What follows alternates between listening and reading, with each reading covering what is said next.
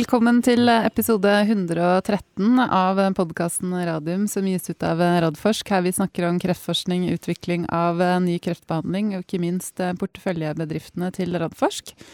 Dagens episode heter Biotek-investeringer med Hans Invar Robinson. Og datoen i dag er 22.1.2020. Velkommen i studio, Jonas Einarsson. Takk skal du ha, Elisabeth. Alt bra?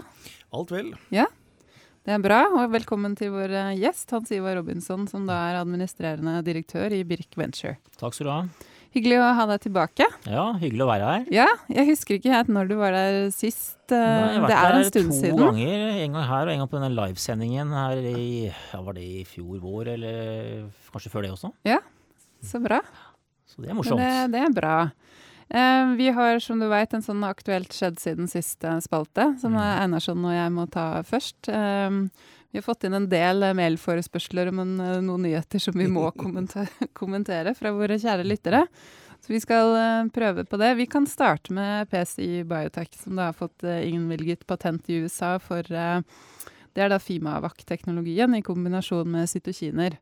Ja, Ja, bare feel free til å fylle inn, eh, Hans Ivar. Han, eh, Hans Ivar følger minst like nøye i den sektoren som det jeg gjør.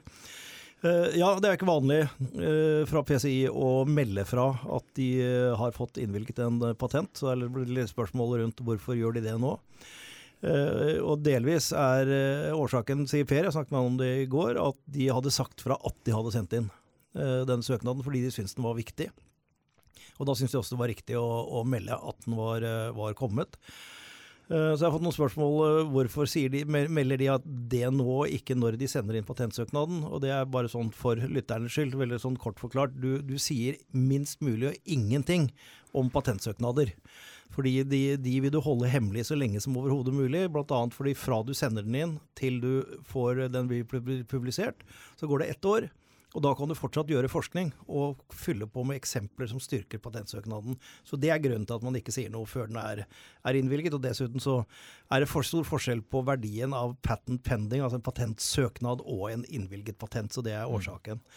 Eh, og jeg skjønner egentlig godt at de har lyst til å meddele at de har, har fått denne. Fordi det styrker jo verdien, sånn som jeg ser det i hvert fall, av Fimavac-patentet ganske kraftig. Fordi når de da har sikret seg at hvis man skal bruke enhver form for cytokiner og bruke denne typen med forsterkning. Og cytokiner er f.eks. GMCSF, Mm. som er, er det som er den mest brukte adjuvansen, som er et cytokin. Og det, disse cytokinene gjør at de, de sender signaler celler imellom som sier at du, du vil aktivere deg, eller nå må du roe deg ned, og alle disse tingene her, som er viktig i vaksinasjonsteknologi.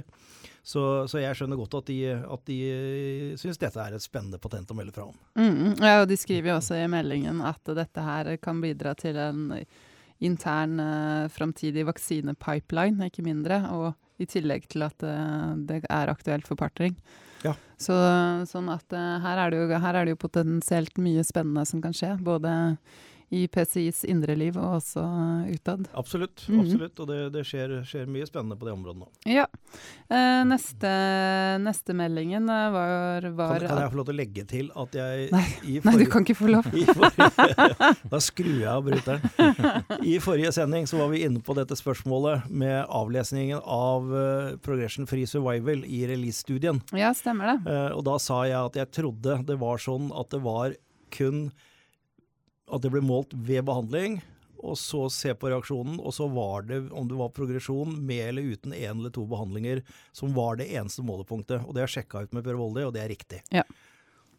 Det er bra. Da kan vi gå videre, da. Da kan vi gå videre. Ja, så bra. Eh, som, som guidet fra Targovax, så har de da kommet med, med data fra kombinasjonsstudien eh, sin på Onkos 102, altså onkolytiske viruset sitt, med kjemoterapi eh, i behandling av mesotolion, altså brysthinnekreft. Eh, og der melder de om lovende data. Um, du kan kommentere kort, eh, Einarsson, men eh, vi får da besøk av Øystein Saug eh, neste uke i podkasten 29.1, så vi skal ikke dvele så lenge ved det. Vi, vi skal la, grave litt mer i det med, med Øystein, og om det er Erik eller Magnus Gjedberg som, som kommer i tillegg. Eh, nei, jeg, min konklusjon er egentlig det de selv eh, egentlig sier, at eh, Dette her er nærmest å se på som en proof of concept-studie. Det er første gang de kjører et onkolytisk virus sammen med kjemoterapi. Mm. Og da er to ting er spørsmålet er det farlig. Svaret er nei. Ikke noe toksproblematikk i det hele tatt. Det andre er vil, vil det å kombinere onkolytisk virus med kjemoterapi drepe effekten av den onkolytiske virusen? Så vil cellegiften drepe de T-cellene som det danner. Mm. Mm. teorien var jo at det ikke skulle gjøre det. for Hvis du husker tilbake altså fra tidligere Targovax og TG01-vaksinen, så var jo mm. det også Det vi lurte på, var når vi skulle begynne med kjemoterapi ja, og TG01. Mm. Ikke sant? Mm. Men da var jo svaret at det dempa slettes ikke immunsvaret, og det viser seg at det ikke gjør her heller. Nei. De får gode og ser ut som robuste CD8-celler, og det er hensikten. Ja. Og hvis svaret er nei, det er ikke farlig, ja, vi får det immunsvaret vi ønsket oss, så skal man gå videre i en kombinasjon med en checkpoint-inhibitor, som jo er det eneste logiske å gjøre. Så det de har gjort, er å stille seg selv noen spørsmål. Får vi ja-svar på de to, så skal vi gå videre, og det er det de sier nå, at vi skal gå videre. Så kan du begynne å se på om det er noe tegn til klinisk effekt. Og det kan man diskutere ut fra dette, for det, det er fryktelig små tall. Og så er det dette med overall-responsen uh, også. Og vi vet jo at med kjemoterapi så får du nesten eller for veldig ofte så får du en initiell respons, men spørsmålet er hvor lenge den varer. Og da er det PFS-en også i dette som blir målepunktet. Mm. Og det ser ut som det er et godt signal der, og da er jeg helt enig med de at da får de skaffe seg penger til å, å, kjøre, en pivotalstudie. Å kjøre en pivotalstudie. Mm. Mm. Og da snakker vi en randomisert studie med 100 pasienter tilsvarende det. Eh, og da må de enten få seg en partner på det. De sier jo at de har kommet langt i samtalene med Big Pharma om å kjøre en studie. Og sier man det, så skal man føle seg rimelig trygg på at man har avklart det meste. Og de presenterte jo studiedesignen i dag. Så en skal jo tro det. Men, at de har eh, kommet ganske langt, egentlig, da. At de har kommet langt i ja. de samtalene. De føler seg de, de ganske trygge. For det er, nei, det er, det er ingen som snur i døra her. Nei, det vil jo være litt Det er dumt å si det hvis du ikke har en, en ganske god følelse på det. Ik ikke sant. Mm. Jeg, jeg, tenker det, at du, du stikker ikke hodet såpass ut da. Og så har jeg fått noen spørsmål i dag også om hva vil en sånn avtale innebære? og Folk drømmer om upfront og milestones og alle disse tingene her. Jeg tror du kan bare glemme det. Hvis du får eh, den, eh, den, eh, det selskapet til å være med å dele noe av utgiftene, samt å komme med medisinene, så er det en veldig god avtale i forhold til det.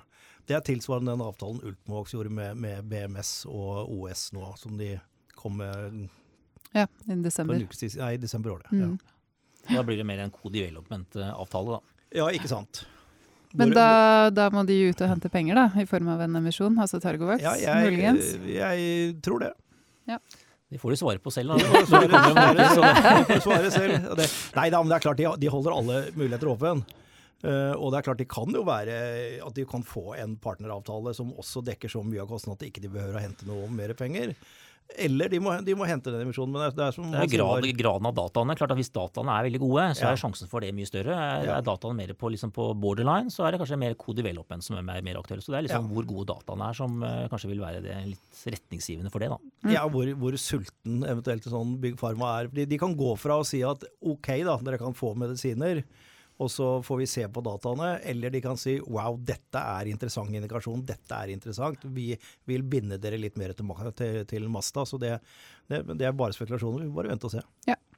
Da skal vi spørre alle disse spørsmålene til Øystein og hans kompanjong, som kommer ja. i studio neste Da er han forberedt. Da er han forberedt. Um, en annen ting er jo at uh, Radforsk skal bevilge midler til PDT-PCI-forskning. Dette er jo noe Radforsk gjør hvert år. I ja. år er det 1,25 millioner kroner. Ja, i fjor delte vi ut på en måte den store potten, altså 1,25 millioner hvert år i tre år til ett et, uh, prosjekt. Mm. Uh, som er kjempespennende. Uh, og så deler vi da ut nå i år 1,25 millioner, som fordeles på noen flere ja. Flere prosjekter. og Dette er et resultat av at de, det er disse miljøene som har vært med å skape verdiene våre i PDT og PCI, og da syns vi det er riktig at de får noe direkte tilbake også fra mm. oss. Forskere ved Oslo universitetssykehus ja. med andre ord som kan, kan, søke på det, og maksimum er 300 eh, 000, og søknadsfrist er 1. mars. Det er helt riktig. skrevet den meldinga, skjønner du. Rart med det der. Eh, Photocure har, har også eh, meldt at de har hatt sin blålysteknologi vist på Fox 11, som visstnok er eh, vestkysten i USA sin eh, Fox-kanal. Du hadde sett eh, det nyhetsinnslaget, Einarsson? Ja da, jeg så innslaget. Det var, det var jo et nyhetsinnslag. Mm. -hmm. og, og det var ikke noe reklame? tillegges eh, mer vekt med, men det, altså, nyhetsinnslag på amerikansk TV, det er jo et reklameinnslag i seg selv. Hvordan de har basert det, og hvordan de har betalt for det. det Skal du diskreditere Fox News her? ja, det, det, tro det eller ei, men Fox News jobber på den måten. Er du ikke fan? Eh, Men det var veldig, veldig fint innslag altså, å, å intervjue med en, eh, en eh, lege på et av de større sykehusene som var bare veldig tydelig på at det, det, det var ingen vei utenom at, å bruke det i, i både i operasjonsrommet, men ikke minst i oppfølgingen. Så de ser ut som de får vind i seila. Det, er, eh, det er morsomt å se. Jeg tenker det er viktig fordi i den fasen de er nå, hvor de stadig vekk ekspanderer i USA, Ja. og at man faktisk ser, ser noe sånt nå, selv om du reklame reklameredaksjonelt eh, Det er viktig å bygge på det momentet man har, ikke sant. Ja. Så, så det, er- det er viktig. Det er sånn plutselig så er det noen tanta til onkelen som har sett det, og så ja, Ja. Begynner, det, begynner det å rulle. Eh, siste, siste skjedd siden sist, det er at det er blitt eh, ny administrerende direktør i Seluna Immunotherapy. Eh, Namir Hassan har tatt over for Miguel Forte. Det er jo et av de selskapene som er i din portefølje. Du er styreleder, så vidt meg bekjent. Ja, jeg er Ja. styreleder i Seluna, så det kjenner jeg veldig godt til. Så det, Så da kan jo du kommentere ja, da, det. nei, Vi er veldig fornøyd med å få inn Namir som eh, CEO i selskapet. Vi kjenner han jo veldig godt i og med at han har vært forskningssjefen i selskapet i en eh, periode. Han har jo en veldig veldig god internasjonal erfaring. Jobbet i Immunocore der, eh, i lederstillinger der i, i flere år, og er en veldig veldig flink person. Så vi er veldig godt fornøyde med at han har eh, tatt den rollen i Seluna. Så bra. Men da, egentlig det er liksom clouet med, med å fortsette med deg, um, Hans Ivar. Um, en av grunnene til at vi hadde lyst til å eh, ta deg med hit eh, nå, er jo det at eh, det var en artikkel i Krono. Det er kanskje ikke noe som våre lyttere leser mest, men det er da en, eh, en avis som tar for seg mer sånn forskning og utdanning om politikk i Norge. Og da, altså, Artikkelen er fokuserte på de av investorene som har gått inn i forskning som er spunnet, nei, gått inn i selskapet spunnet ut av forskning via TTO-ene. Er de, de som var nevnt, var jo da deg, og så var det din eh, bror eh, Pål Erik, og så var det en, eh, en investor som også heter Rolf Skaar. Skaar investerer mer eh, i IT, mens du og broren din er mer på, på biotek. Um, men jeg tenker du, vi, kan, eh, vi skal snakke litt mer om den artikkelen og det som står der. Men eh, først og fremst kan du ikke si litt om, om porteføljen din? Hva slags uh, selskaper Ja, er du inne i? Jeg ja. vet at mye tangerer med Radforsk, som du ja, ofte co-investerer i. Jonas og Anders Thu, så jeg jobbet tett sammen i mange år. Mhm. Nei da, eh, Birk Venture, som er selskapet som jeg investerer i, det er jo et selskap som investerer innenfor teknologi, eh, produkter og selskaper, og primært innenfor da bioteknologi. Eh, I dag så er det syv selskaper som eh, selskapet er investert i. Eh, noen børsnoterte selskaper og noen private eh, selskaper. Av de børsnoterte så er det Bergen Bio, det er Nordic Nanovektor, det er et svensk selskap som heter Onkopeptides. Eh, og de private selskapene, som ikke er noe mindre spennende fordi at de er private. Eh, I forhold til å være børsnotert, så er det Seluna, som vi var inne på. Immunterapi innenfor, innenfor kreft. Celleterapi. Nextera, eh, som er et eh, si, drug discovery-selskap, som er eh, veldig flinke på å finne nye targets, finne nye produkter som eh, adresserer disse nye targets. Eh, så det er et selskap som heter Apim Therapeutics, som er, stammer fra eh, NTNU og som er også innenfor kreft og er i klinisk fase 1. Og så er det også, også Oncoinvents, hvor vi også har en mindre post. Mm. Mm. Så det er, eh, det er eh, Og fokuset er jo måte langsiktige investeringer, hvor man ofte går inn, eh, går inn tidlig. Mm. Men de, de tre av de selskapene som ikke er i, er i porteføljen til, um, til uh, Radforsk, de porteføljebedriftene Radforsk snakker vi jo mye om. Men sånn som Bergen Bio, kan ikke du si litt om hva bakgrunnen for at det er interessant å være med der? Ja, altså Bergen Bio eh, stammer også ut ifra et, et forskermiljø som er eh, veldig spennende eh, i Bergen. Eh, og eh, har også en plattform som på en måte var spennende på det tidspunktet som eh, jeg investerte der. Det er jo et selskap som da er god på det vi kaller sånn Axel inhibitors, som er et, en veldig viktig mediator i, i metastasedanse hos kreftpasienter. Det har kommet ganske langt. Har etter hvert fått i klinisk fase to innenfor både AML og innenfor lungekancer. Uh, fått etter hvert ganske god data. Uh, så det er et spennende selskap, eh, absolutt. Og det er jo på en måte sciencen som var liksom si, grunnlaget for at man eh, valgte å bli med her. Solid science. Og så er det selvfølgelig det at man har fått gode data som har gjort at det er fortsatt veldig spennende. Mm -hmm. Uh, Onkopeptides. De er svenske. Er um, hva, hvor, hva slags type selskap er de? Ja, Det er også innenfor, innenfor, kreft. Eh, det er på en måte en, en, en, et, en teknologi innenfor, eh, som måtte forbedre cellegiftbehandling. Eh, som også er kommet, kommet, langt. De er faktisk bare noen måneder unna filing. Eh, ja. så, så, så, de er kommet mye lenger enn en del andre, andre typer selskaper. Mm. Og Apium Therapeutics, er ikke det noe av det samme de gjør? Med å liksom forsterke effekten av cellegift? Jo, det er en såkalt DNA repair-teknologi. Eh, hvor formålet er da å og ikke bare forsterke eventuelt celleterapi, men også andre typer terapier. Mm. Også immunterapier. Så det, det, er på en måte en, en, en, bredere plattform, da. Ja, rett og slett. Du, Åssen er det å koinvestere med, med, Hans Ivar? Hvor er, viktig er det å, å, ha med ja, sånn som han? Krevende. Nei, det er, det er litt morsomt, da veldig, veldig mye morsomt. Nei, det er eh, så viktig at, vi har, eh, at Radforsk har noen andre koinvestorer som vi kan diskutere teknologien og, og utviklingen av selskapene med i en tidlig fase, og som kan den, denne bransjen og har vært med både på oppturer og nedturer i, i, underveis. Eh, og da å sette sammen eh, sånn, på en måte det første konsortiet når vi går inn tidlig i selskaper, så prøver vi å få med oss den type investorer som, som Hans Ivar eh, inn i den, i den, tidlige fasen. Og han har jo samme filosofi som vi har, nemlig at han er svært aktiv i selskapene i den tidlige, tidlige fasen. Og ikke bare er en passiv investor, men kommer med kunnskapen sin i tillegg. Så det, det er uh, veldig viktig for oss å ha, ha, den type samarbeid. Ja, for det er jo et av spørsmålene det kommer egentlig litt seinere. Vi kan egentlig bare ta det med en gang. Du sier at dere går jo tidlig inn, dere er med ja. å utvikle, dere er med å etablere de. Altså hva eh, Leder de selv, eller er styreleder, eller sitter i, i styrene? Hva, hva, er grunnen for at dere jobber på den måten her? Kan vi begynne med deg, Hans Ivar, først, som er gjest. Nei, altså det er jo for det første, tror jeg det, som du var inne på, Jonas, er det veldig viktig. da. Jeg tror at skal måten man har, har sjanse til å få ut liksom Eh, teknologi og få det til å bli selskaper, så er man helt avhengig av at det er eh, investorer som måtte kan sektoren ganske bra, som er med fra, fra tidlig av. Jeg tror det er en forutsetning, ellers blir det veldig vanskelig.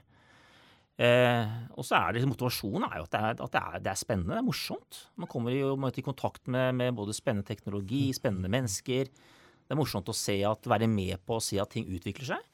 Så det er klart det, det, det er en motivasjon i seg selv. Mm. Eh, men så er det klart, på den andre siden så er det risiko. Det er jo betydelig risiko. og mm. Risikoen er jo, er jo, størst i en tidlig fase. Da er jo forutsigbarheten på hvilken type teknologi som faktisk fungerer best, den er jo størst i starten. Mm. Så, så, men samtidig så er det jo klart det å komme inn tidlig betyr også at man har mulighet til å kunne påvirke. Eh, og det er jo også viktig, selvfølgelig. Mm. mm. Ja, nei, jeg, jeg, er helt enig. Og, og vi, det vi investerer i, er jo nesten utelukkende i teknologi. Og så begynner vi å bygge et selskap som andre kan investere i. For andre investorer de vil ikke investere blindt i en teknologi, de vil se at de også har et selskap som er i ferd med å få en riktig struktur, som har en plan for den utviklingen av de produktene skal være.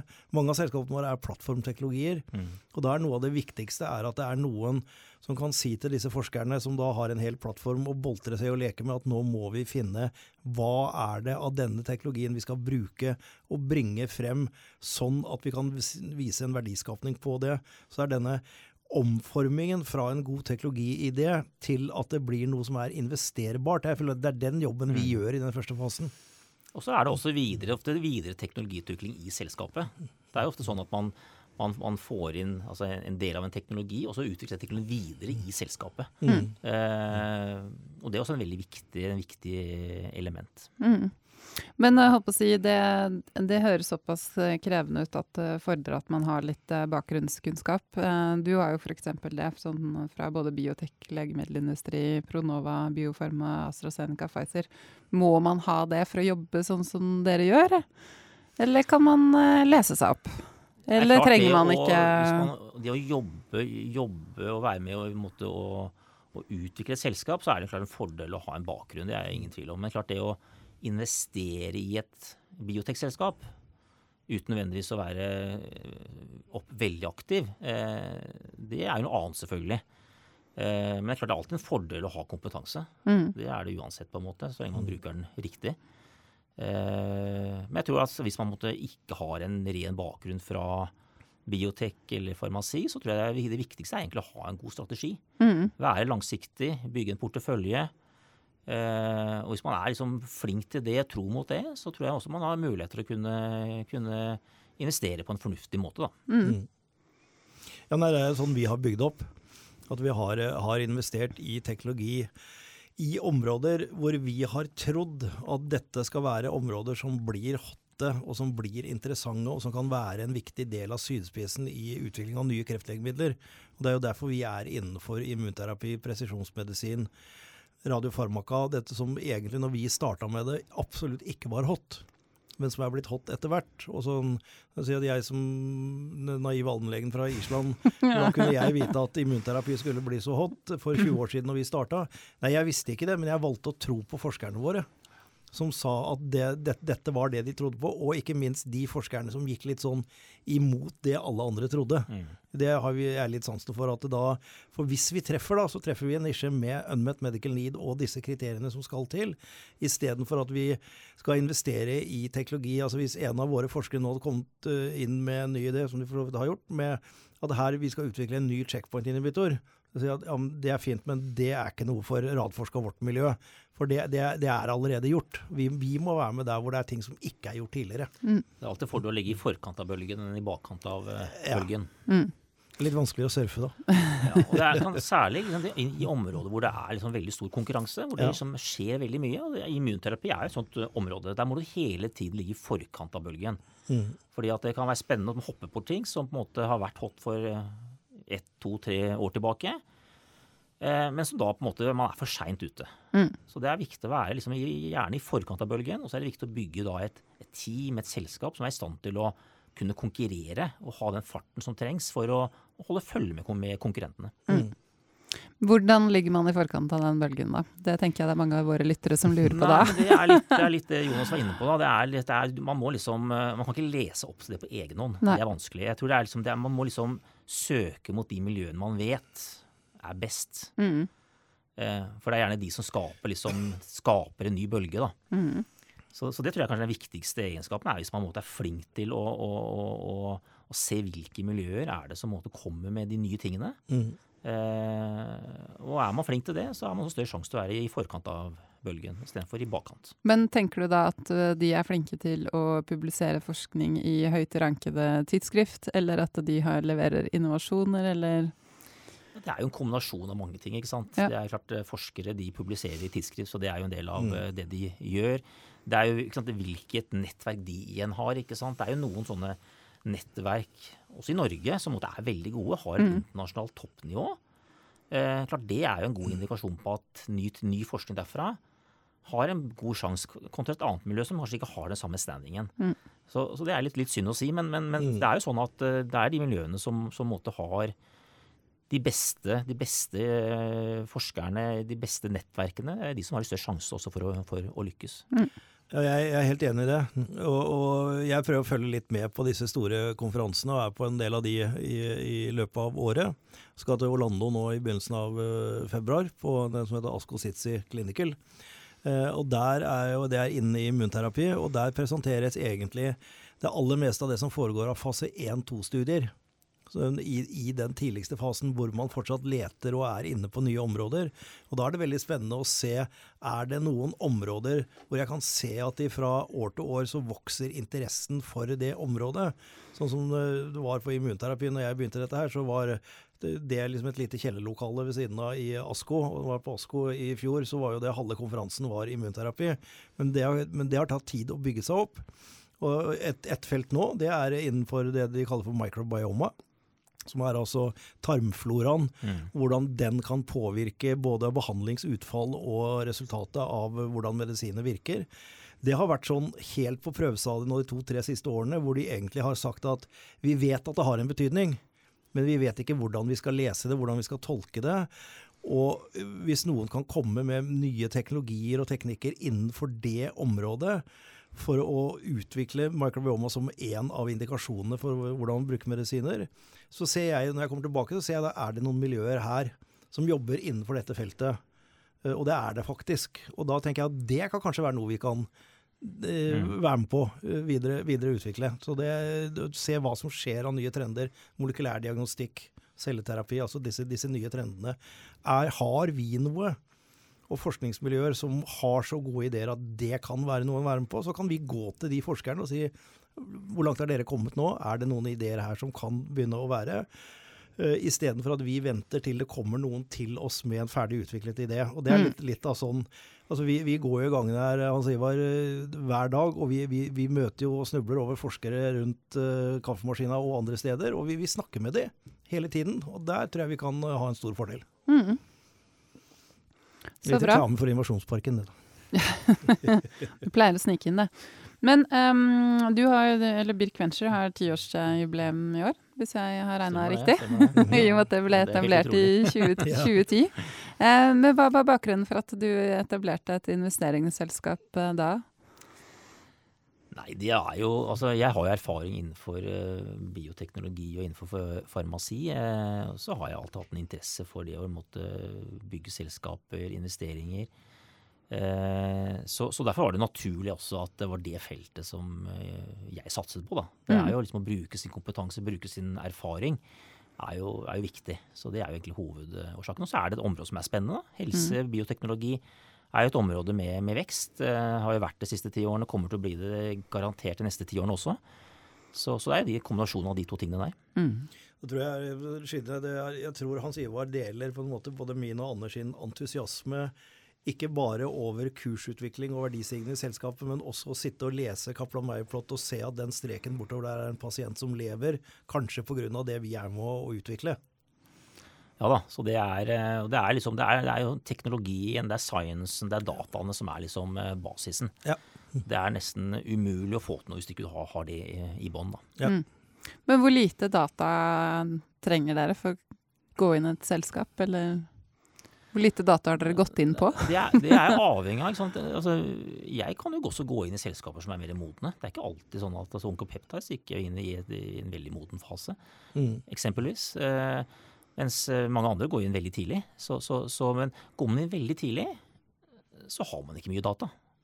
Og da er det jo rett og slett egentlig tilliten til eh, forskerne, eh, de miljøet det kommer fra, at teknologien adresserer et helt, helt klart medisinske behov. Det er sånne parametere. Det knagger du liksom henger ting på. Mm.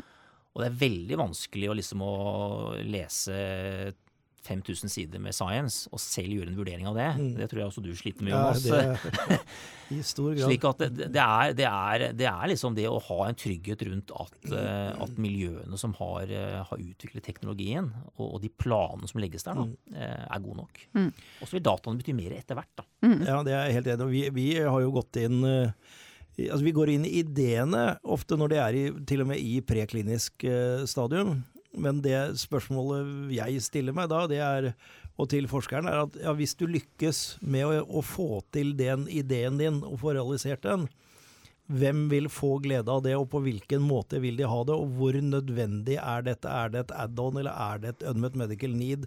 Er, vil det fylle et gap som er nødvendig? Og hvis svaret på det er ja, så kan vi gå tilbake og se at ok, hva er da muligheten for at du kan lykkes med dette? Og så var vi nok sånn i tidligere faser så var det nok sånn at vi var litt for ivrige på å lage selskapsstrukturer og hente inn eksterne investorer mens vi ennå var i den fasen. Nå forsøker vi å jobbe med forskerne og med miljøene, og kanskje til og med gi de noen støtte for å komme så langt som mulig inne i institusjonen. Sånn at vi, når vi lager selskapet, så vet vi Vi bør ikke ha kliniske data, men vi har en klar plan for når de kliniske dataene skal komme. Og det skal helst komme i løpet av noen få år, i hvert fall. Fra vi starter selskapet. Men har hatt selskaper som har gått i den prekliniske ørkenvandringen i seks-sju år. Det er ikke lett for mm. eksterne investorer å investere i. Ja, for det er det da fordelen, at du trenger mindre penger fra eksterne investorer ja, I en kortere tidsperiode? I, det er en kortere tidsperiode til du har liksom litt sånn proof of the pudding, nemlig at du har noen kliniske data. Ja. Det er liksom, tenker jeg at det er den største verditriggeren. Nei, Det er en utfordring å få finansiert tidligfase, ikke tvil om det. Mm.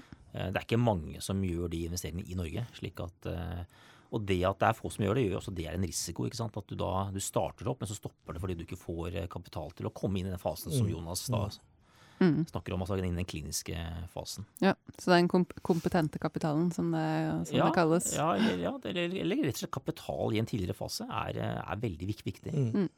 Også fordi én ting er å gjøre det, eh, komme raskt inn i, inn i klinikk, men også gjøre kan du si, den prekliniske jobben grundig. For det er også eksempler på at man har vært for rask her. Ja. Man har på en måte, tatt ting inn i klinikk og brukt masse kostnader på en klinisk fase 1, fase 2.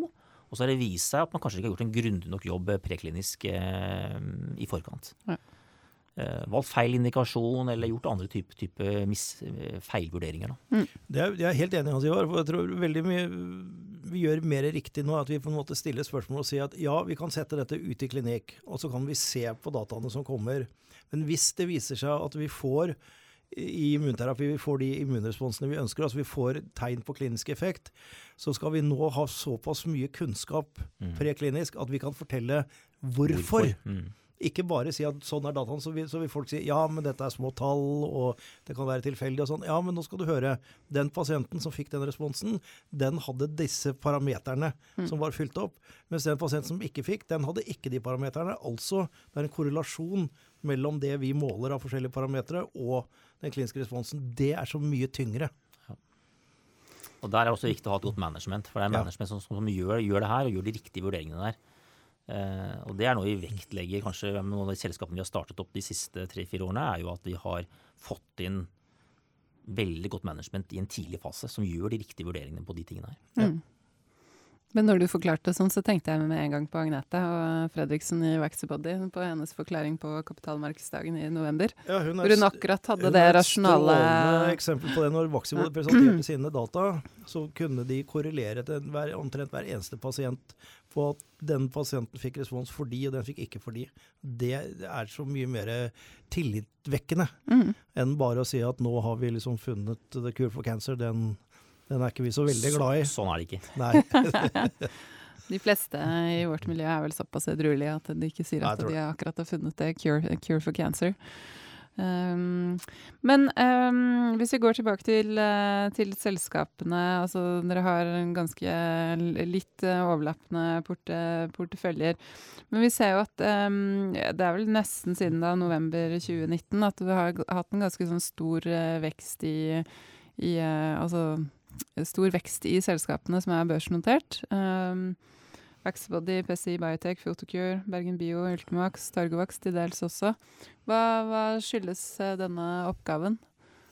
Nei, altså jeg nå, nå, altså I forkant av, uh, av det her, da, i forkant, altså det som hadde skjedd i løpet av 2019 og så litt inn i 2018, så har det vært en, en dårlig utvikling på veldig mange av uh, de børsnoterte selskapene i Norge, men også, også internasjonalt. Uh, uten at nødvendigvis selskapene seg selv har levert noe dårlig resultat eller uh, levert dårlige resultater. Slik at uh, jeg tror også at én faktor er jo at det rett og slett er en slags reprising. At man ser at det er lav prising, og så har det kommet noen positive ting som på enkelte sel selskaper, og så har det skapt et momentum som gjør at man har fått en, en oppgang de siste to-tre månedene. Så det har ikke vært så kjempelenge, eh, men, men, det er jo veldig positivt da, eh, at man ser at, at, den nedgangen man fikk i, i forkant av den måtte begynner å utlignes til en viss grad. Mm. Kommer det til å fortsette? Ja, Det er vanskelig å spå, det. det er, eh, men det er mye som tyder på at fortsatt så er jo biotekselskapet i Norge lavt eh, priset. Mm. Einarsson? Nei, altså jeg følger helt uh, Hans Ivars resonnement her. Uh, det er en viss reprising som foregår etter at markedet i Norge valgte å prise våre selskaper kraftig ned. Uh, og som du sier, det var jo det var, Ja, det var noen forsinkelser i noen selskaper, sånn som i Nordic Nanovektor, som selvfølgelig oppleves som, som negativt. Men av alle kliniske data som er blitt presentert av selskapene gjennom de to siste årene, og det har vært ganske mye, så har det vært veldig bra data. Og det fundamentelle i selskapene har bygget seg opp. Eh, jeg tenker kanskje at det er litt sånn psykologi i det at man ser nå at det er en fire-fem selskaper som faktisk begynner å nærme seg hvor vi får svaret. Virker dette eller ikke? Og vi er kanskje innenfor en to til tre års Eh, tidspunkt der, og ikke fem, seks, syv år som det var tidligere. Og også ser at disse selskapene nå som starter disse randomiserte studiene, at de har potensialet i seg til å bli pivotale studier. og Det gjelder en god del av selskapene nå. og Da tenker jeg liksom det er litt lettere å, å, være med og reprise når du ser at du får et svar om ikke så veldig lenge. Mm. Eh, men hvor lenge det varer og om det hopper opp eller ned, det skal i hvert fall ikke jeg spekulere i. Det, det, det, hvordan markedet går, det, får vi se. Men jeg tror selskapet kommer til å fortsette å levere gode data. Ja, vi, eh, vi satser på det. Og så, som jeg prøvde å si til dere når vi snakka litt på forhånd, Photocure, at de også nå på en måte etter mange år hvor de har trådd vannet litt, man ikke ja. kanskje helt har sett at, uh, at de kommer til å nå gjennom, så har de nå på en måte en vekst i USA som går videre, og Dan Schneider, ny CEO, leverer på det ja. han sier de skal levere. Fått en lisensavtale på Sevira som mange trodde lå i skuffen og støva for, for godt. Så ja, det, det, har vært en viss refrising av, av Fotokur også, helt uh, på sin plass etter min mening. Og, og morsomme nå det er jo at uh, det endelig er et selskap hvor kvartalsrapportene faktisk er viktige. Mm. For eh, de andre selskapene så får vi bare vite at burn-ratene er innenfor, og alle de gode, juicy nyhetene de kommer mellom kvartalsrapportene, for det styrer man ikke. Men akkurat med Fotokur så kan man jo, for de som kan Excel-ark, så kan de plukke frem det og så plotte inn sine tall i det etter, etter hver kvartalspresentasjon. Det er, er litt mm. morsomt, da. Ja, det er det. Det, det som er litt, litt, interessant når du ser den, de, de selskapene her på, på Oslo Børs, det er jo at det styres ikke så veldig mye, mye av egentlig milepæler og resultater. Det styres av momentum. Mm. Mm. Ofte så kan et selskap begynne å gå, og gå ganske mye, eh, uten at det egentlig er noen grunn for det. Det er bare momentet som gjør at du liksom får en, en kraftig opp, opp, oppgang, og tilsvarende ned når momentum blir negativt. Mm. Eh, så det er jo som investor også verdt å merke seg, da, at det er liksom veldig mye momentumstyrt. da. Mm. Jeg er enig. Ja, vi har et eh, spørsmål om det fra en lytter som vi skal komme, komme tilbake til. Eh, men hvis vi går tilbake til litt til denne artikkelen i Krono der du var intervjua. Altså det, med å, det med å investere i disse selskapene som er spunnet ut av, av forskning, hva, er det noe du kan uh, anbefale andre investorer å kikke på? Altså, nå er det sånn at De aller fleste selskaper de har jo en måte teknologi som på en eller annen måte er spunnet ut fra et universitet eller sykehus. Mm. Uh, og det er jo det man ser etter, er jo gjerne forskningsmiljøer, og de er jo ofte et, på et universitet eller på et uh, sykehus. Så, så, og, og, styrken i det er jo at mye av den beste teknologien kommer derfra. Uh, så, så det, det, tror jeg er helt naturlig at, at, mange av selskapene egentlig stammer fra sånne type miljøer. kan si Ulempen med det er jo ofte at Eh, når man spinner et selskap ut fra et uh, universitetssykehus uh, eller universitetet, så er, det ofte en lisensavtale som ligger i bånn for det. Og det skaper jo noen restriksjoner eller noe mindre, mindre fleksibilitet. men det er klart at ofte så er jo teknologien god, og det er jo det viktigste. Mm. mm. Ja, nei, jeg, er, jeg, er, helt enig, og det er en helt annen og mye større diskusjon. Men det er jo også nettopp hvordan vi gjør denne teknologioverføringen fra universitetene og, og, fra sykehusene og inn i en kommersiell, kommersiell setting i form av et, uh, av et oppstartsselskap. Uh, det har vel vært noen utfordringer innenfor det, og, og, det at man nå skal se på hele denne modellen som en del av helsenæringsmeldingen, uh, det er jo noe vi har vært med å, å spille inn, og det, det, bør man se på. Mm. Men det jeg tror er viktig, er at det er profesjonelle aktører eh, ja. fra sykehuset, fra universitetet, som gjør det. For det er, det er, det er krevende prosesser. Slik at, at, det på en måte er profesjonelle aktører. Eh, eh at TTO-en er en profesjonell aktør, er veldig ja. viktig. Eh, fordi at de avtalene som gjøres med selskapene, må gjøres på en veldig god og riktig måte. Ja, du, du, må huske på at den avtalen kan se ut som den ikke er så veldig farlig, for alle er enige, og det, det kan gjøres en enkel avtale. Og selskapet er ikke verdt noe, noe særlig sånt å begynne med, men det er den og de avtalene som en eventuell stor investor eller Big Pharma skal gjøre en due diligence på langt nede i veien, og da må de stå seg. Ja, Det er veldig viktig. Mm. Det er bra, så da må man sjekke avtalene nøye hvis man skal gå inn i sånne type selskaper. Ja, det er viktig at det er en profesjonell aktør som på en måte øh, er med å utforme det mm. Eh, fra sykehuset. Og TTO-ene er flinke, de. Mm. Eh, hvis vi skal gi noen eh, tips til, til, lytterne, hvilke deler av biotek, hvilke selskaper er mest lovende per i dag? ikke fra meg. ikke fra deg? Du kan bare si porteføljen. Ja, ja. Jeg vil selvfølgelig anbefale å, å, investere i hele porteføljen til uh, Radforsk. Men uh, nei, jeg får ofte spørsmål om det. Ja, hvem av selskapene i din portefølje tror du mest på? Det vil si at Vi investerer ikke i noen selskaper vi ikke tror på. Vi tror på teknologien.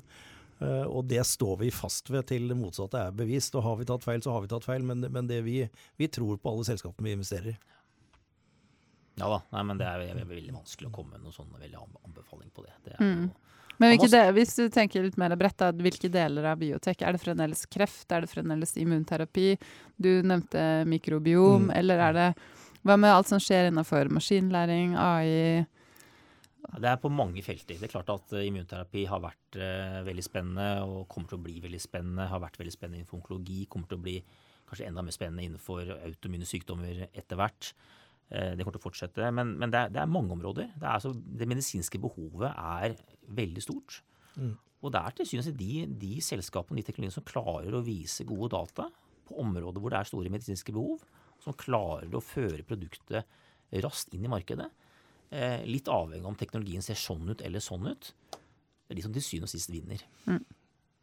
Jeg er veldig enig med Hans Ivar at det, er, det, det, første jeg ser etter, er dette du Beklager det engelske uttrykket, men uh, udekket medisinsk behov. Mm. Unmet medical need. Altså det, det, betyr at hvis vi lykkes, så skal det være noen som etterspør det, og som sier at dette vil Det skal være leger som sier yes, dette vil vi bruke, dette vil vi ta i bruk.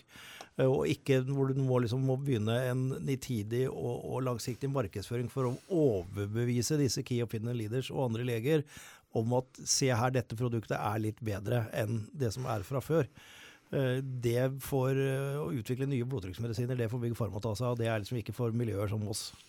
Det er 30 år for seint. ja, det er 30 år for seint. Ja, men det er en fin bro til neste spørsmål. Altså, hvilke deler av biotek eh, slash selskaper trenger man ikke å se på? Blodtrykksmedisin, var det var det du var? Det, ja, altså, jeg, jeg, jeg, tenker at uh, innen Hvis man kan forbedre dem? Sånn som man gjør med cellegift. Da, da, tenker jeg at det tilhører Big Pharma og, og, den, og den verdenen, mer, mer, enn den verden vi beveger oss i. Vi, vi må være litt banebrytende. Det må være eh, nisjer og områder som er nye og under utvikling. Hvis vi, hvis vi snakker om, hvis vi skal liksom dele inn i bioteknologi og Big Pharma, det er en litt sånn gammeldags måte å se det på, mm. så er det det som tilhører bioteknologisektoren. Uh, og det er klart at Alt dette med AI og machine learning og sånt nå er også veldig spennende. Vi, vi, har jo hatt et veldig vellykka selskap uh, innen, innenfor det. Så vi ser gjerne på det, men det må være, det må være innenfor vårt område, altså innenfor uh, onkologiområdet. Uh, og utover det så ser ikke vi. Nei. Men det er jo avhengig av hvilken type investor man er. Ja. Det er klart at, at hvis man på en måte er en investor som måtte investere litt på både i ulike typer sektorer, og ikke har en sånn kun en life science, biotech fokus, så, så, er det jo det å kunne bygge gjerne portefølje innenfor med litt forskjellige typer selskaper. da. Mm. Ja. Kanskje noen, noen, som er i en tidlig fase som har en veldig innovativ, spennende teknologi, men kanskje også andre som er i en mer moden fase, hvor du har kortere vei til markedet, du har en mindre kompleksitet rundt teknologien. Eh, du har dataene, du vet at det er kort vei til markedet. Så det å kunne bygge en portefølje med liksom et miks av sånn type selskaper kan jo være, kan det være for mange fornuftig. Mm. Spre risikoen, rett og slett? Ja, spre risikoen, og, og, så ha liksom ulike typer exit-strategier. Mm. Det er bra. Um, da kan vi ta noen spørsmål uh, fra lytterne. Vi har fått inn et spørsmål om Ultimavax. Ultimovax. Ja. Um, det er én forespørsel om vi kan få, få noen fra Ultimax til å snakke, komme i studio og snakke litt om uh, den avtalen de har gjort med BMS og Oslo universitetssykehus på klinisk studie på UV1 i kombinasjon med sjekkpunkthemmer på mesoteliom. Ja. Så det, det jobber vi med. Eh, og så er det et, uh, men det ligger et spørsmål her også om det, uh, at det virker fra et investorståsted at, uh, prising, at, det, at, det, er merkelig at prisingen på Ultivax skal være så mye lavere enn f.eks. Waxbody. Ja, det å sammenligne den prisingen, det er, det, markedet setter den prisingen. Nå skal det jo sies at Ultimax har har jo også fått en, en, reprising etter at vi gikk på børs, på en relativt lav verdi i forhold til de andre selskapene vi kan benchmarke med, for da var markedet veldig vanskelig så har det på en måte kommet opp på et nivå nå som er, ligger, ligger, ligger mer likt med de andre selskapene. Bortsett da fra, fra Voxybody. Uh, og, og, det tror jeg er fordi at folk nå begynner å få litt mer øynene opp for hvilken type selskap Ultimax er. Uh, og jeg vet vi har liksom fått uh, litt tilbakemeldinger på at vi kanskje skulle vært enda mer fremoverlent med Ultimovax og virkelig vise frem potensialet og mulighetene. Når du sier vi her, så er det som styreleder i Ultimovax? Det er styreleder i Ultimovax, ja. Uh, og det er, det er, jeg helt enig i. nå har vi valgt bevisst å ha en strategi for det selskapet mens vi utviklet det, hvor vi skulle ligge lavt og, og, og ikke ikke vifte stort med, med, flaggene, mens vi gjorde den jobben som skulle gjøres for å se om vi fikk gode nok data til at vi virkelig skulle ta det store spranget og si at dette er en medisin vi ønsker å utvikle. Og det avgjørelsen og det spranget tok vi ikke før vi bestemte oss for å, for å, gjøre en børsnotering. Men da sa vi at nå skal vi gjøre en, en studie som kan ha potensial i seg til å bli pivotal. Og så har vi nå fått denne avtalen som du, du nevnte, med, med, med OS eh, mm. sammen med, med altså Oslo universitetssykehus. Har da avtale med oss og BMS om å gjøre denne studien, som også er en randomisert studie. Som også har et potensial i seg til å gi data som man kan feile på hvis de er gode nok. Og vi jobber i Ultimax med enda flere av denne type avtaler. Og det er klart at nå er vi allerede oppe i i, i eh, to randomiserte studier med over 100 pasienter i hver av de. Og får vi én eller to til av det, så er vi ikke et lite oppstartsselskap. Da er vi virkelig et selskap som er i ferd med å gjøre legge kronen på, på, verket og i løpet av noen år å få data som man kan bli et eh, produkt ut av. Og Det skal vi nok være enda flinkere til å understreke at vi nå er, transformerer det selskapet til en helt ny type selskap. Har du noe å tilføre, Hans Ivar? Nei, det er, det, er jo, det er, jo, veldig vanskelig å sammenligne selskaper. Ja. Eh, liksom, Også prisingen? Ja, altså, man, man kan hvert altså det, det, er ulike typer teknologier, det er ulike typer type, eh, Hvor langt man har kommet, ikke sant. Eh, det, er mange ting som på, eh, påvirker det. Eh, ja, og, og, og, det, og, det, å være på børs har jo vært litt negativt i i 2019. Ja. Eh, klart at de, de selskapene som er børsnoterte, de har jo i kanskje i større grad merket den litt sånn tøffe, tøffe perioden. Mm. Så det kan også være et element her. Mm. Da kan vi gå over til uh, neste spørsmål, som går med på prising av, uh, av prekommersielle selskaper. Uh, lytteren lurer på om det er muligheter for å ta opp valuering av prekommersielle selskaper med gjesten. Det er da deg, Hans Ivar. Det jeg er mest interessert i, er ressurser for statistikk rundt sannsynligheter. I tillegg må dere spørre om hvordan norsk biotek virker å være plassert verdimessig kontra sine peers i utlandet, og om hva man ser for seg eventuelle forskjeller skyldes. For meg virker det som om norske selskaper trades i hjel. Det var litt det vi var inne på i stad. Kan du ta det med sannsynlighet, altså statistikk, først. Ja, altså, nå er jeg litt usikker på hva du mener med prekommersielle selskaper. Mener du selskaper som da er ikke har produkter i markedet, eller, eller selskaper som da er prekliniske selskaper? Ja, det er et godt spørsmål. Det, så, så, tolk det som du vil, du. så, nei, altså, altså, det er klart at, at uh, pre, prekliniske selskaper har selvfølgelig en mindre sannsynlighet for å lykkes enn selskaper som er nærmere klinikk. Etter hvert som man får gode data, mm. så, så, så, vil også da sannsynlighetene øke. Og så er det avhengig av teknologien. Da. Det er jo noen teknologier som har større forutsigbarhet. Eh, hvor man måtte kjenne virkningsmekanismene, man kjenner, kjenner, biologien i større grad enn en andre. slik at det det er mange parametere, og det der er det ikke noe fasitsvar på. og Derfor er det, er det også veldig vanskelig å si at ett selskap har kommet i fase 1, da har det vært det. Et annet er i fase 2, da, da er verdien det. Mm. Det er på en måte, og det ser man kanskje enda mer internasjonalt. Du kan se voldsomme prisinger på prekliniske selskaper i, i, USA, basert på at det er en veldig spennende ny teknologi som passer inn hos eksempelvis eh, Big Pharma. Mm. Mens kanskje andre selskaper som er i fase 1 fase 2, som måtte ha kanskje ikke like, like klart medisinsk behov, har kanskje ikke så overbevisende data, selv om de er i klinisk fase, som ikke har den samme prisingen enn de har kommet lenger. Så det der er, det der er veldig vanskelig å gjøre en, gjøre en uh, klare sammenligninger mellom, mellom, selskaper og teknologier. Mm. Jeg, er, jeg, er, helt enig med Hans Ivar. og Eh, og, og, når det gjelder statistikk og, og sånn såkalt likelihood of approval og den type ting, så tror jeg det er mange mange modeller der som er bygget på gammeldags utvikling av, av f.eks. cellegifter og blodtrykksmedisiner, eller hva det måtte være. Og Da kunne man si at i fase 1 så er det 90 sannsynlighet for at det feiler, og i fase 2 er det sånn.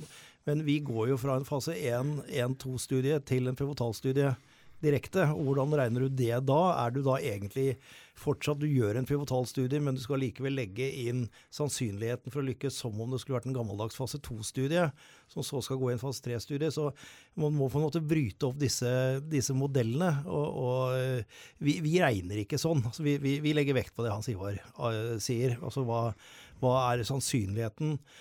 Eh, det betyr ikke at vi absolutt skal lisensiere ut eller selge selskapene våre til Big Pharma, men hva er sannsynligheten for at Big Pharma vil være interessert, og at det passer inn i utviklingen til dem, gjør at det er større sannsynlighet for at det lykkes, selv om man velger å kjøre det uh, helt ut selv. Mm.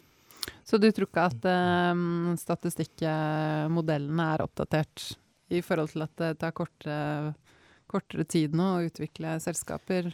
Færre pasienter? Jo, det, det, gjør det utvilsomt. Så er det hvis du har en ny innovativ teknologi, og du klarer å supportere det med data, så er det mm. kortere tid. Ja. Ikke tvil om det. Mm. Eh, men det her er forskjellig fra selskap til selskap, teknologi mm. til eh, teknologi.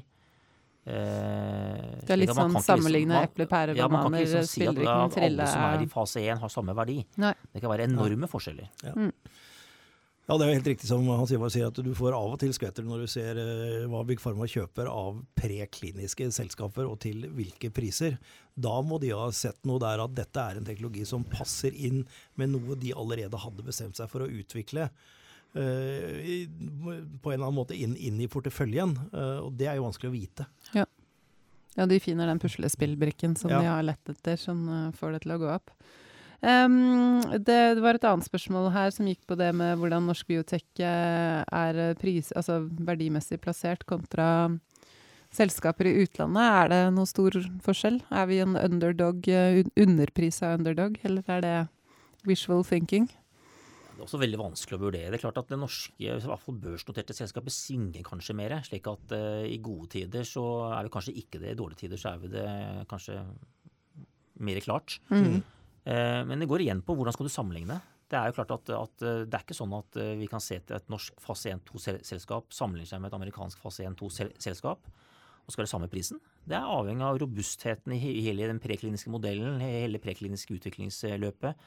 Og Det tror jeg også farmaselskapet ser på når de vurderer å lisensiere et, et, et, produkt. Det er ikke bare hvor langt det har kommet, men det er liksom den robustheten med produksjon, manufacturing, prekliniske modeller, Alt sammen teller inn. Mm. Eh, så, så, så, og det er en, måte, en egen innsikt og egen kompetanse å kunne gjøre sånn type vurderinger.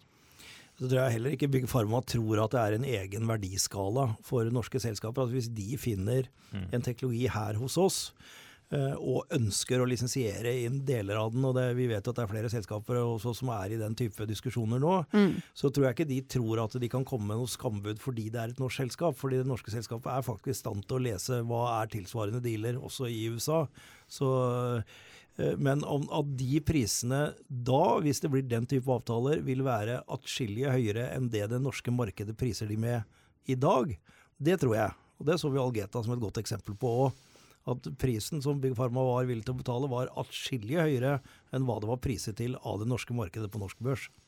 Ja, og så er det slik at Hvis man får en avtale eh, med et bra selskap, og det er en god avtale, så er det en validering mm. som gjør også selvfølgelig at, eh, at, investorer både i Norge og internasjonalt eh, får øynene opp for selskapet. Mm. Men den, den hentydningen om at norske selskaper trades i gjelda, da? Ja, det er nok litt riktig. Det er nok riktig at, eh, at det er tradere som styrer uh, aksjeprisen på mange av selskapene i Norge. Mm. Og det er litt synd. Mm. Eh, og de, måte, det er ikke det fundamentale som alltid, i hvert fall ikke, i hvert fall ikke kortsiktig, som styrer aksjeutviklingen. Eh, at det er mer kortsiktige, det momentumet som måtte teller. slik at det er nok litt riktig det som sies der, ja. Mm. Jeg er helt enig i det, og hvis du følger med det jeg er på, på topp 20-listen i, i, de børsnoterte selskapene, så er den ganske konstant. Sånn det, og, og, den er høy. sånn det er ikke så stor andel som, som trades. Og når det gir lite spark til et herværende folketrygdfond også, når det i tillegg en så solid aktør låner ut aksjer til shorting på en såpass uh, sektor som dette, så syns jeg det er svært ugreit. Du må si litt mer. Folk som meg blir så nysgjerrige. Nei, altså det, jeg, det, det, denne bransjen kan ikke jeg, men, men eh, det er altså folk Shorting som er sånn jeg ser på amerikanske filmer, da. Ja, det er det. Er det. Men de, de, de, låner aksjer og spekulerer i verdistigning eller verdi... Skal trene, tjene kjappe penger. på det for å tjene, tjene kjappe penger. Mm. Uh, og da, er det sånn at det er plutselig noen som har da lånt og disponerer mange aksjer, og som jobber da intenst for f.eks. å holde kursen nede, for det er det de har tatt en bet på. Uh, og det, det, er, det har ingenting med det fundamentelle i selskapene å gjøre. Uh, og det får du folk bare holde på. Det er jo en børs og det er et åpent marked, så det er helt i orden. Men at store, solide aktører som Folketrygdfondet virkelig skal aktivt låne ut aksjer Radforsk får ofte spørsmål om det, og vi sier um, konsekvent bare nei. konsekvent nei til det. Ja. Eneste gangen vi lånt, låner ut aksjer, er i forbindelse med emisjoner. Men da er det for å hjelpe emisjonen. Så det så. Så det så. Eh, jeg lurer på om vi hadde spørsmål om PCI Biotech, men den arket har ikke jeg eh, Det har du svart på, så bra. For det arket hadde ikke jeg fått med meg fra printeren. Det var om jeg hadde fått bekreft, bekreftet mine spekulasjoner om PCI i forrige ja, program. Det, det, hadde du. Uh, lytteren lurer også på om vi skal ha med Nordic Nanovektor og Onkoinvent igjen i studio. Det, det prøver vi jo på. Ja, OK Onkoinvent skal jo gå i klinikk om uh, ikke lenge. Så vi må jo få en oppdatering når de har fått satt i gang sine kliniske studier. Mm. Og Nordic eh, sin paradigmestudie er det jo veldig spennende å følge Spør med på. Spør Bravo hvor mange han har rekruttert i dag. Kanskje ikke akkurat i dag. Um, har du noen uh, avsluttende bemerkninger, eh, Hans Ivar? Eller føler du har blitt stilt nok spørsmål? Om, uh, mye. Jeg, jeg, tror jo liksom tilbake til kommentarene rundt uh, aksjemarkedet, så er det jo det er godt å vite at det er det fundamentale som til slutt vinner, da. Ja. ja. Det er jo liksom, det er jo dataene, det fundamentale, hvor, hvor, liksom de komme, hvor altså du kommer i markedet, som til slutt vinner. Mm. Ja, og det, Jeg er veldig enig i det, og jeg mener bestemt at hvis du ønsker å investere i et av denne type selskaper, så investerer du i og tar en bet på at de kliniske dataene blir bra. Og det vet du ikke før du har de kliniske dataene, og da vet du om du har uh, gjort den store gevinsten, eller om det ikke gikk bra. Og dette er binært og risikofylt. Mm. Så hvis du først bestemmer deg for å investere, så er det kanskje lurt å bli i selskapet også? Helt til man vet om det er vi, vi, vi tenker sånn, ja. uh, mens andre tenker at de kan gå ut og inn. Og han sier hva gjør vel noe midt imellom? Nei, men det er, det er jo lov å gjøre en, la oss si, en delexit. Ikke ja, sant? Ikke sant? Man måte kan være med, være med, en god stund, og, og, og, så kan man måte gjøre en delexit, og så kan man være med videre. ikke sant? Det, og det er ofte fornuftig, for da får man på en måte en litt sånn godfølelse. Eh, så, så man, man, kan være med lenge, men man trenger ikke være med med alt til the bitter end. Nei. Nei, og vi bare ta den til slutt. så Et eksempel på det fra vår side er jo Fotokur som vi har tatt delexiter på gjennom hele perioden for å investere i de nye selskapene, men sitter fortsatt igjen som fjerde største eier i Fotokur i dag. Mm. Så det går fint da, å kombinere det. Mm. Så bra. Det tror jeg det var uh, slutten. Og så må bare si tusen takk for at du kom i studio. Veldig hyggelig. Veldig spennende. Og så er det da Targovax og Øystein Saug eh, og og med noen av sine kollegaer neste uke. Jeg tror det kan bli en spennende episode, det også. Absolutt. Ja, Da gleder vi oss til det. Takk for i dag.